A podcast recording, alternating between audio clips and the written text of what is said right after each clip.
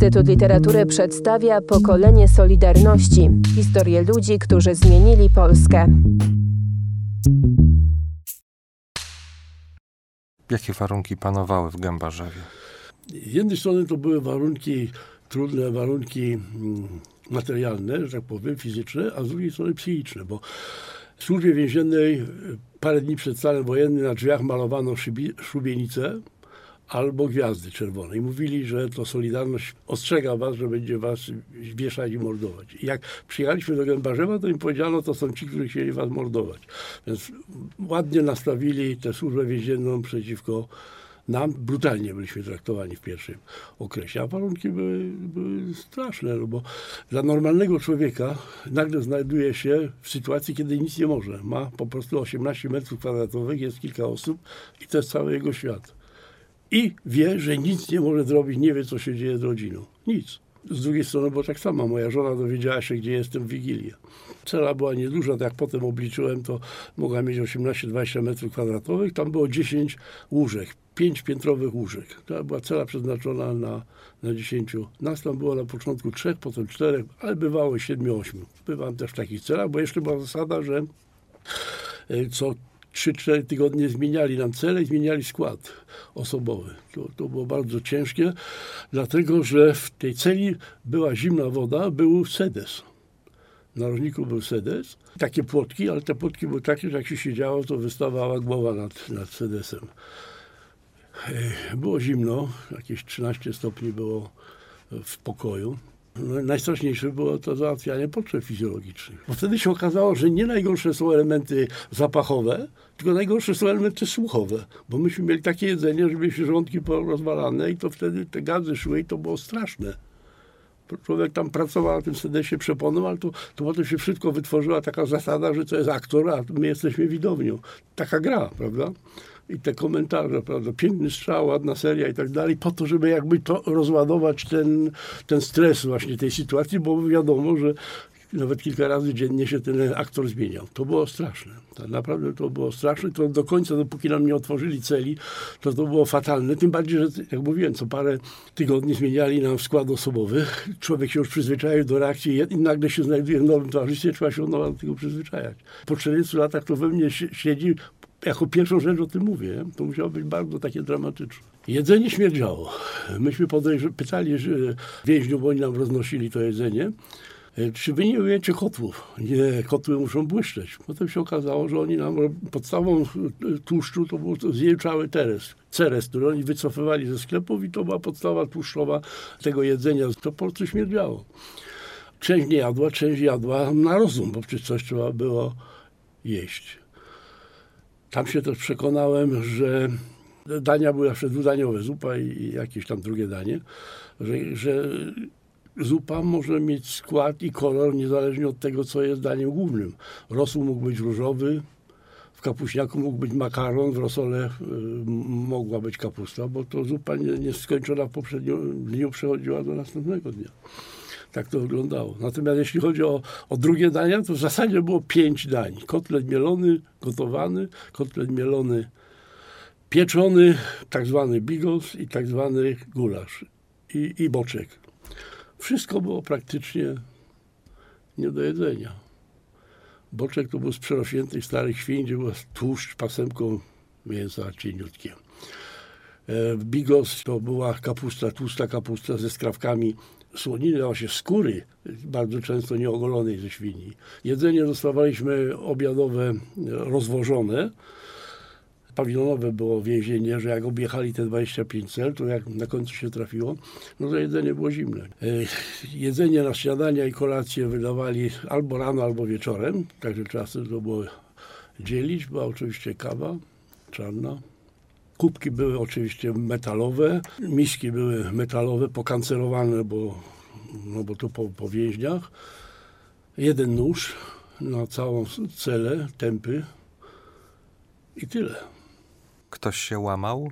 Złamał? To, to różnie ludzie reagowali. Byli słabsi psychicznie, byli tacy, którzy nie, nie, nie wytrzymywali zamknięcia, rzucali się na kraty. Byli tacy koledzy, którzy musiano ich pilnować, bo chcieli sobie podcinać żyły. to znam raczej z opowieści, bo mojej celi to, tego nie było, że były takie wypadki. Znaczna część tych ludzi tak nie wytrzymywała psychicznie, że wylądowała w szpitalu w Gnieźnie. Także po pewnym czasie jedna czwarta e, więźniów tych internowanych była w szpitalach gnieźnieńskich. A tam lekarze zachowywali się znakomicie. Pan wytrzymał? Dzięki... Ja wytrzymałem. Ja miałem, Czemu? bo się okazało, że do Gębarzewa przyjechała jako lekarka dziewczyna, która... Ja byłem w męskim liceum w Gnieźnie, ona była w żeńskim. Spotykaliśmy się z okazji jakichś tam wspólnych potańcówek. I ona była lekarzem, mnie poznała, tak? Tak, też poznaliśmy się ona chciała mi zorganizować wyjście ze, do szpitala.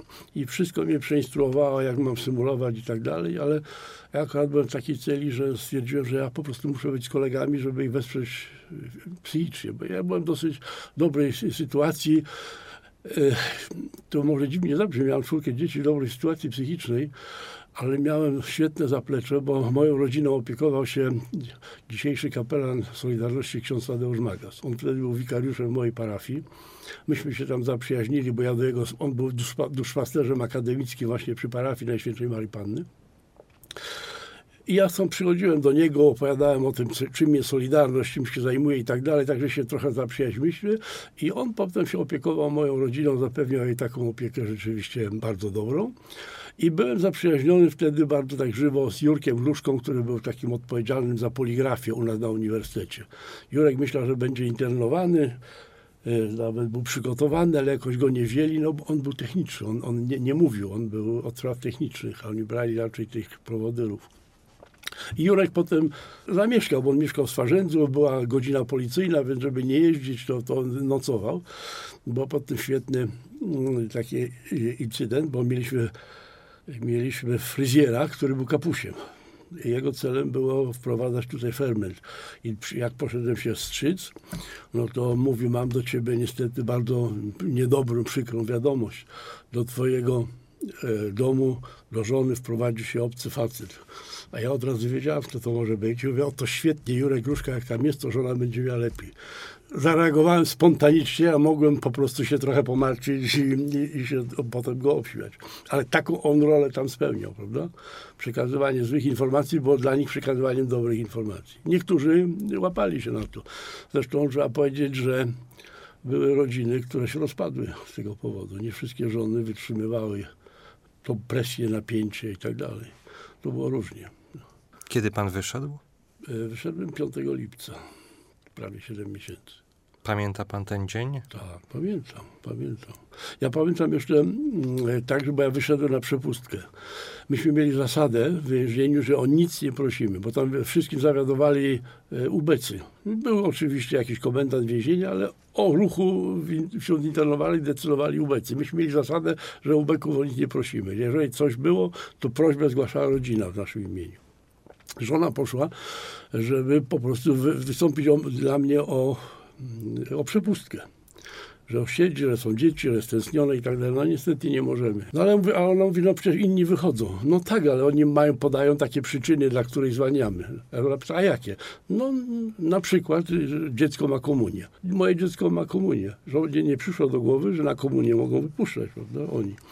Jak to powiedziałem, to mnie wypuścili, byłem pewno pięć dni na tej y, przepustce i wtedy przeżyłem takie, takie dziwne zachowanie, że po prostu wychodzę, my tu jesteśmy w tym swoim kręgu, żyjemy tą solidarnością, a tutaj się toczy normalne życie. Ludzie idą do pracy, śmieją się, rozmawiają, kupują i tak dalej. Także to było takie zaskoczenie. To jest, przeżyłem coś takiego, jak e, więzienie izoluje także mentalnie i społecznie. To było to pierwsze przeżycie. Także drugie już było, to wyjście już takie, to było tam niespełna dwa miesiące później, to już jakby było, byłem już przyzwyczajony do tego, jak to tam wygląda na tej wolności. Natomiast pamiętam, że myśmy robili takie różne znaczki, obrazki, które tam były odbijane na stemplach robionych z linoleum. Byli uzdolnieni ludzie, którzy wycinali to w linoleum. Myśmy to potem dosyć masowo na przykład produkowali te znaczki. Był taki jeden, gdzie czołg rozjeżdża napis Solidarność i część wciska pod ziemię, a część jeszcze jest. I to było robione w takim formacie, ten obrazek był w formacie tak prawie A5. I to też y, mieliśmy. I jak y, jechaliśmy tą suką, nas wieźli na, na, na Kochanowskiego, to za nami jechał jakiś e, autobus i myśmy do tej szyby tam z tyłu przy, przyłożyli ten obrazek. Tam ten kierowca podjechał, żeby zobaczyć bardzo blisko. Jak zobaczył, co jest, to zrobił takie V. Także, że tu pokazał, że się z nami solidaryzuje, do, zorientował się, kto tam jedzie. To było takie, takie były nastroje wtedy wśród nas. Nie? Solidarność trwała dalej w podziemiu. Tak. Wiem z relacji, y, że no to nie było takie łatwe, Tak, dla nas jak było... się to pokazuje w podręcznikach. myśmy wiedzieli, że my zostaliśmy jako zdjęci, zdjęci z działalności w pierwszym rzucie i tę główną robotę przejęli już inni, ci, którzy zostali. Naszą, myśmy mieli świadomość tego, że naszym obowiązkiem jest trwać i być takim wyrzutem społecznym. My siedzimy w więzieniu jakby w imieniu tych, którzy są na wolności. Ta świadomość nas była, rzeczywiście. I my musimy się zachowywać e, przyzwoicie. Pojawili się jak na pierwszej linii, ale ukryci nowi działacze, którzy podjęli działalność e, podziemną. Powstały te struktury. Na uniwersytecie nie pojawiła się y, komisja zakładowa podziemna.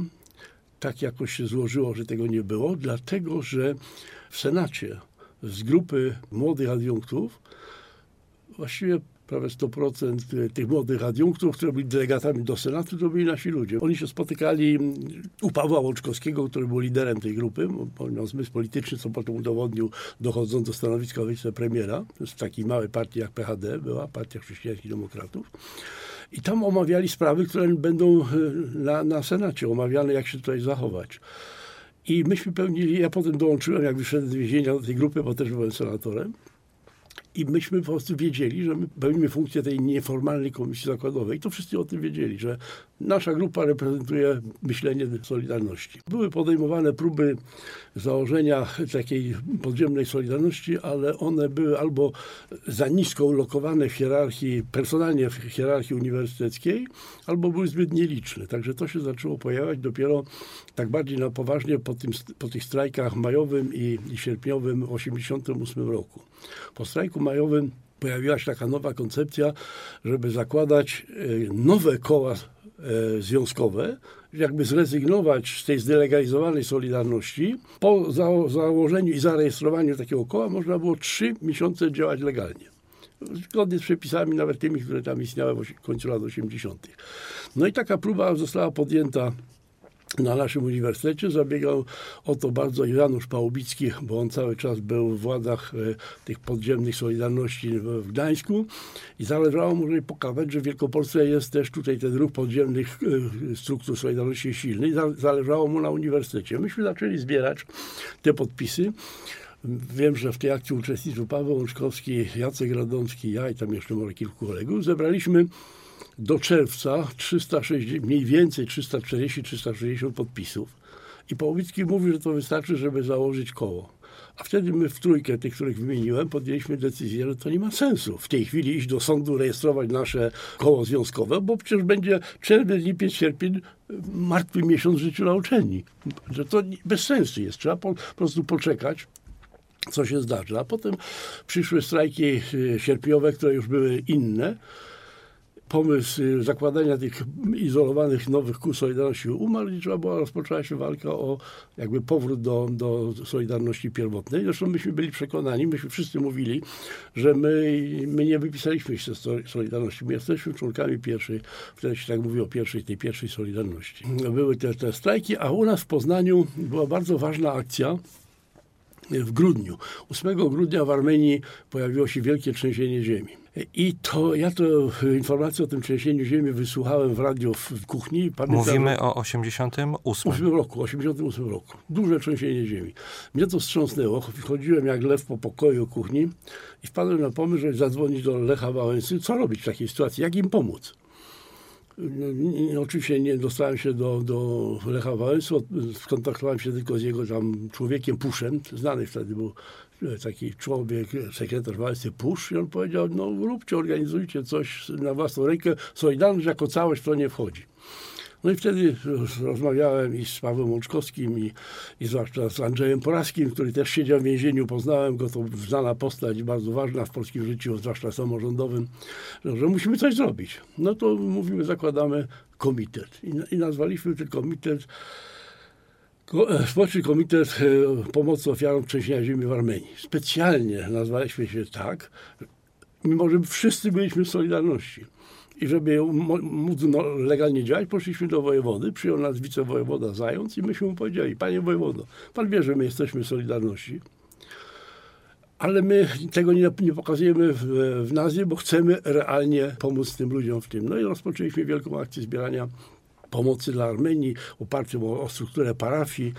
Co było coś niezwykłego. Myśmy zebrali wtedy tyle, że wypełniliśmy sześć 20-tonowych tirów, które potem wyjechały do Armenii i to kierowcy sowieccy tu z Poznania wywozili tam do, do Armenii. To naprawdę była duża akcja, która nas zintegrowała. Także zaczęliśmy zbierać podpisy pod, już wtedy pod hasłem, czy podtrzymujesz swoją przynależność do Związku Zawodowego Solidarność.